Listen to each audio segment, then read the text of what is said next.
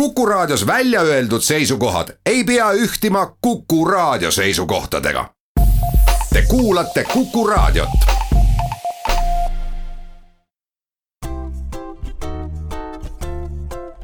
patsiendiminutid, Patsiendiminutid toob teieni Eesti Patsientide Liit tere, head Kuku kuulajad! loodetavasti olete koroonaviiruse haigusest vabad ja nii ka jääb. Mina olen Kadri Tammepuu ja me räägime tänases saates diabeedist ja diabeedi seostest koroonaviirushaigusega Covid-19. meil on liinil Tartu Ülikooli professor, endokrinoloog Vallo Volke, tervist! tervist! no rahvasuu räägib tavaliselt diabeedist, aga need, kellel on haigusega rohkem kokkupuuteid, teavad, et äh, haigus jagatakse esimest ja teist tüüpi diabeediks. Kui me püüame nüüd hästi lihtsalt äh, võhikule alustuseks selgitada, mis vahe nendel kahel haigusel on, nad on ikkagi kaks erinevat haigust. see tõesti on nii, et, äh, et suures, suures joones saab diabeeti jagada kaheks tüübiks. et tegelikkus on muidugi veel kirjum, et et, nende kahe tüübi ju kõrval on, on veel erinevaid diabeedi vorme, aga need on kõik haruldasemad.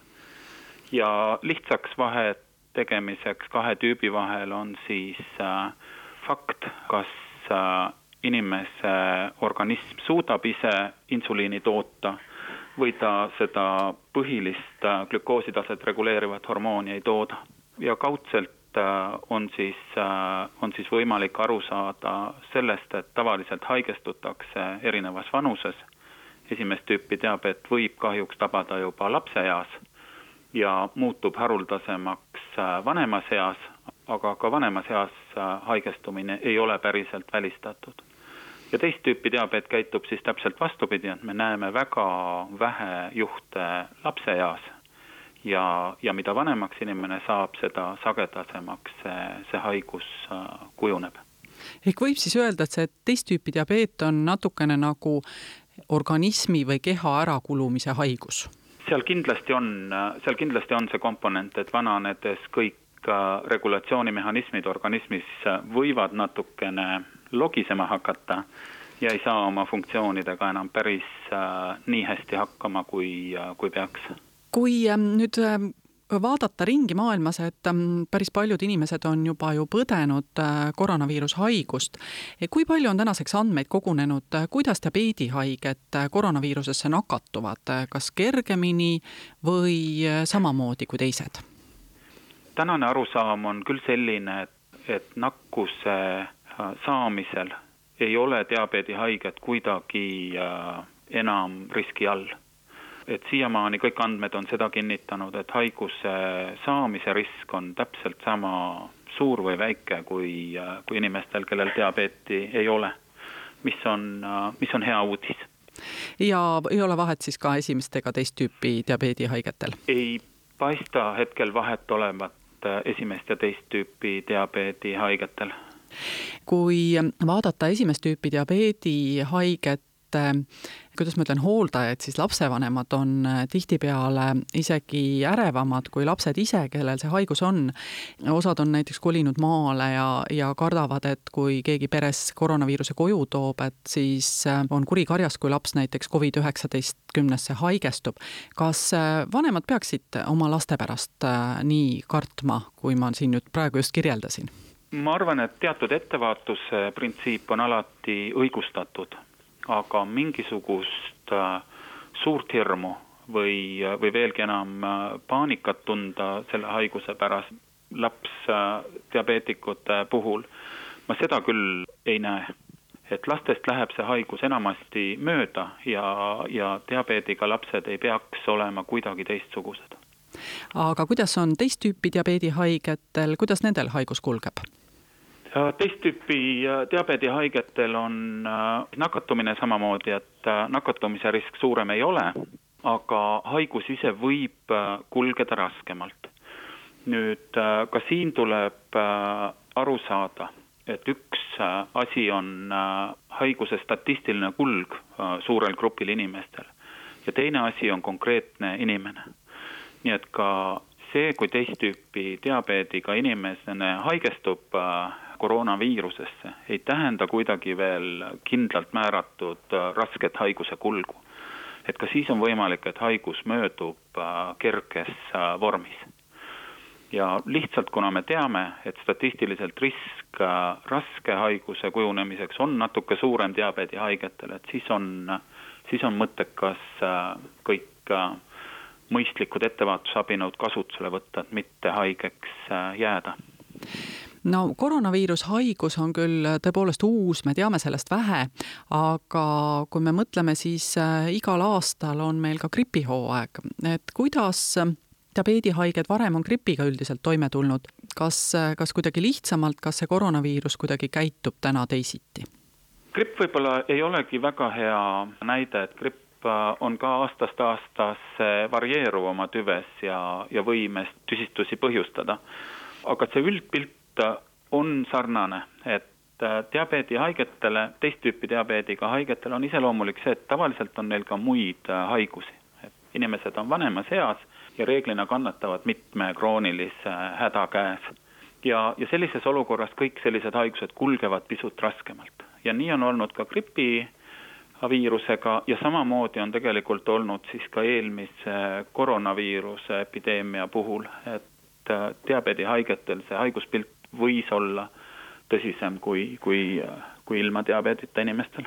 Kas ähm, põhihaigus ehk diabeet võib ka ägeneda, kui, kui inimesel on mingisugune äh, viirusnakkus, no näiteks äh, võib äkki kuidagi tüsistuste hulk suureneda, sest on ju teada, et äh, diabeediga on üks raske probleem just nimelt see, et võivad hiljem tulla mingid tüsistused diabeedi selliseid pikaajalisi tüsistusi niivõrra ei mõjuta, aga suurel osal inimestel igasugune äge haigus põhjustab äh, veresuhkru tasemete kõrgenemist.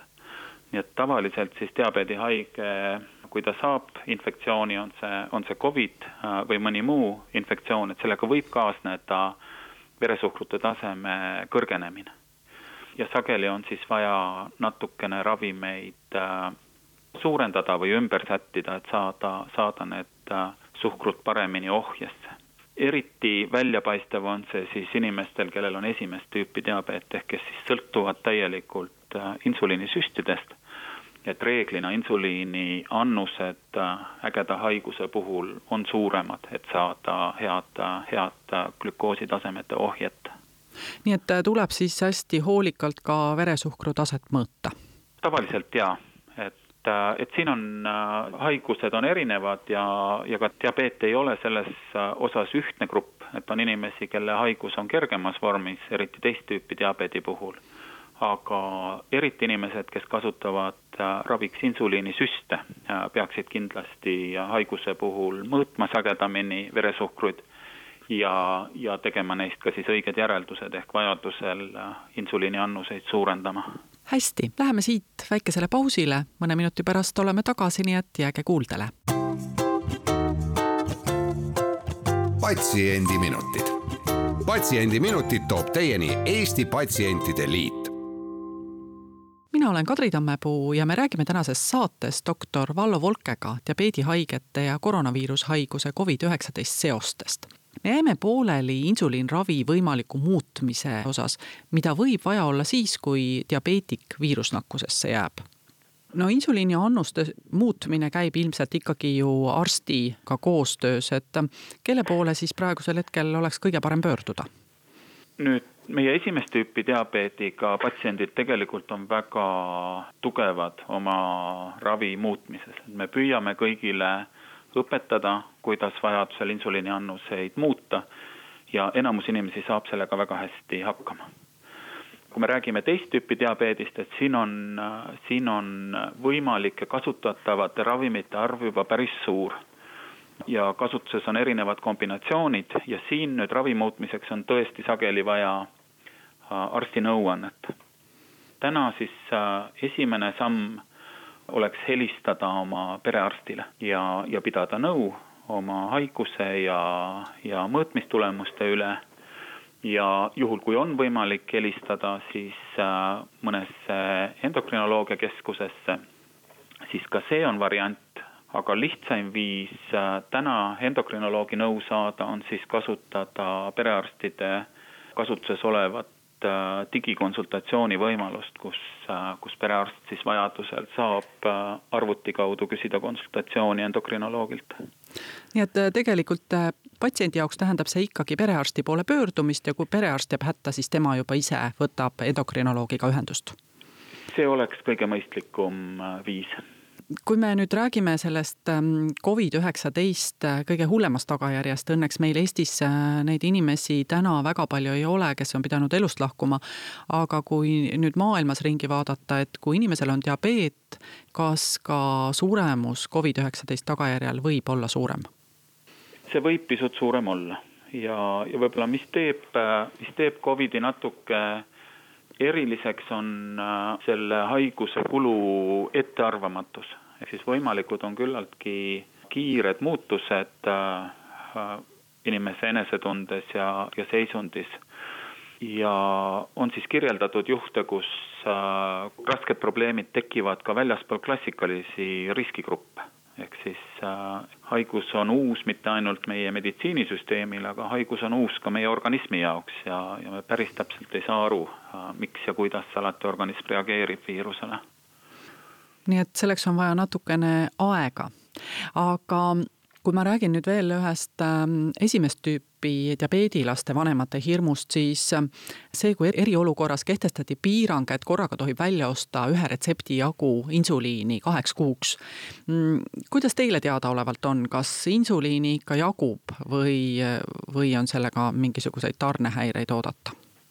insuliinid on täna vabalt kättesaadavad, nad on ka üksteise vastu asendatavad ja ma mingit hirmu ei näe praegu, et insuliinipuudust Eestis äh, tekiks aga mis nõu te apteekrile näiteks annaksite, kui seesama lapsevanem näiteks tulebki maalt linna insuliini ostma, aga eelmisest ostust ei ole veel kaks kuud täis. kas apteekril peaks olema natuke rohkem kodanikujulgust, et see uus insuliiniretsept lapsele ära müüa, sest äh, see on ju selge, et seda ravimit ei kuritarvitata kuidagi? Ma kindlasti, ma kindlasti soovitaksin kõigile, kes insuliini vajavad, seda, seda müüa, et siin on tegemist on elutähtsa ravimiga ja siin alati ei saa kirjatähte mööda liikuda oma otsustes kuidas äh, üldiselt nende teiste diabeedihaigete ravimitega on, te ütlesite, et lisaks insuliinile kasutatakse ka teisi ravimeid. kas need kuidagimoodi võivad ka inimese immuunsüsteemile mõjuda?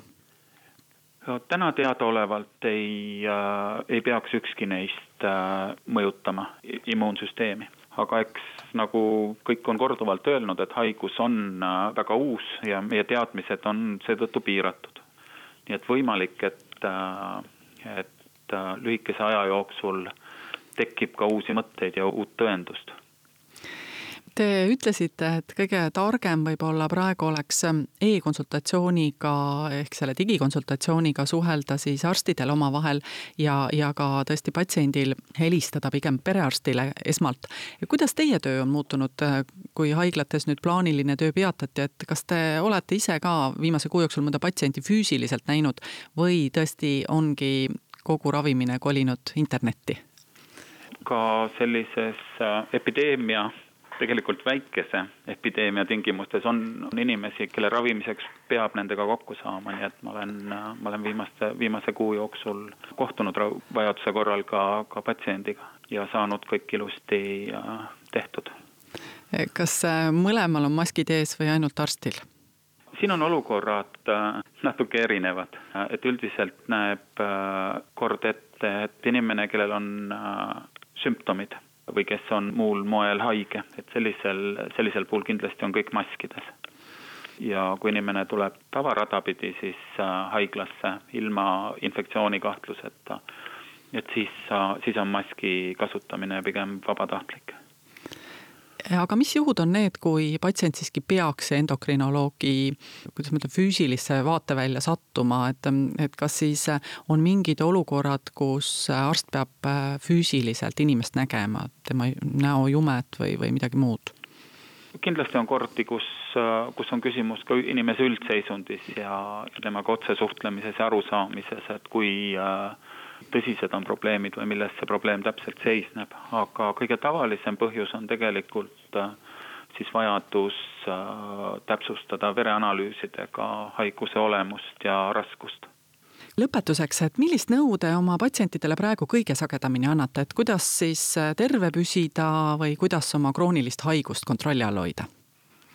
Minu soovitused on üsna universaalsed, et piisav liikumine ja tervislik toit on, on need, mis kõigi inimeste tervist paremaks teevad ja täna infektsiooni vältimiseks kõige olulisem on siis vältida kokkupuudet haigustunnustega inimestega. see risk haigust saada on kõige suurem ikkagi inimeste käest, kes, kes on reaalselt haiged. kes köhivad ja aevastavad? Köhivad, palavikus, muud moodi haiged. Mida teie arvate just nimelt liikumisest, et kas väikest viisi õues jalutamine teistest eemal tuleb tervisele kasuks või peaks püüdma oma liikumisvajaduse ära rahuldada kodus? Eesti on äh, hõredalt asustatud maa ja meil on suures hulgas äh, puhast loodust ja õhku, kus, kus liikuda, et kindlasti väljas liikumine on äh, kasulik selge, no siis äh, püüame väljas liikuda, aga suur aitäh, Tartu Ülikooli professor, endokrinoloog Vallo Volke kuulajatele pühendatud aja eest täna ja soovime teile edu haigete aitamisel. kõike head ka minu poolt ja püsige terved. aitäh ja täname ka kõiki kuulajaid, saadet juhtis Kadri Tammepuu, oleme taas eetris nädala pärast ja seniks olgem terved. patsiendiminutid Patsiendiminutid toob teieni Eesti Patsientide Liit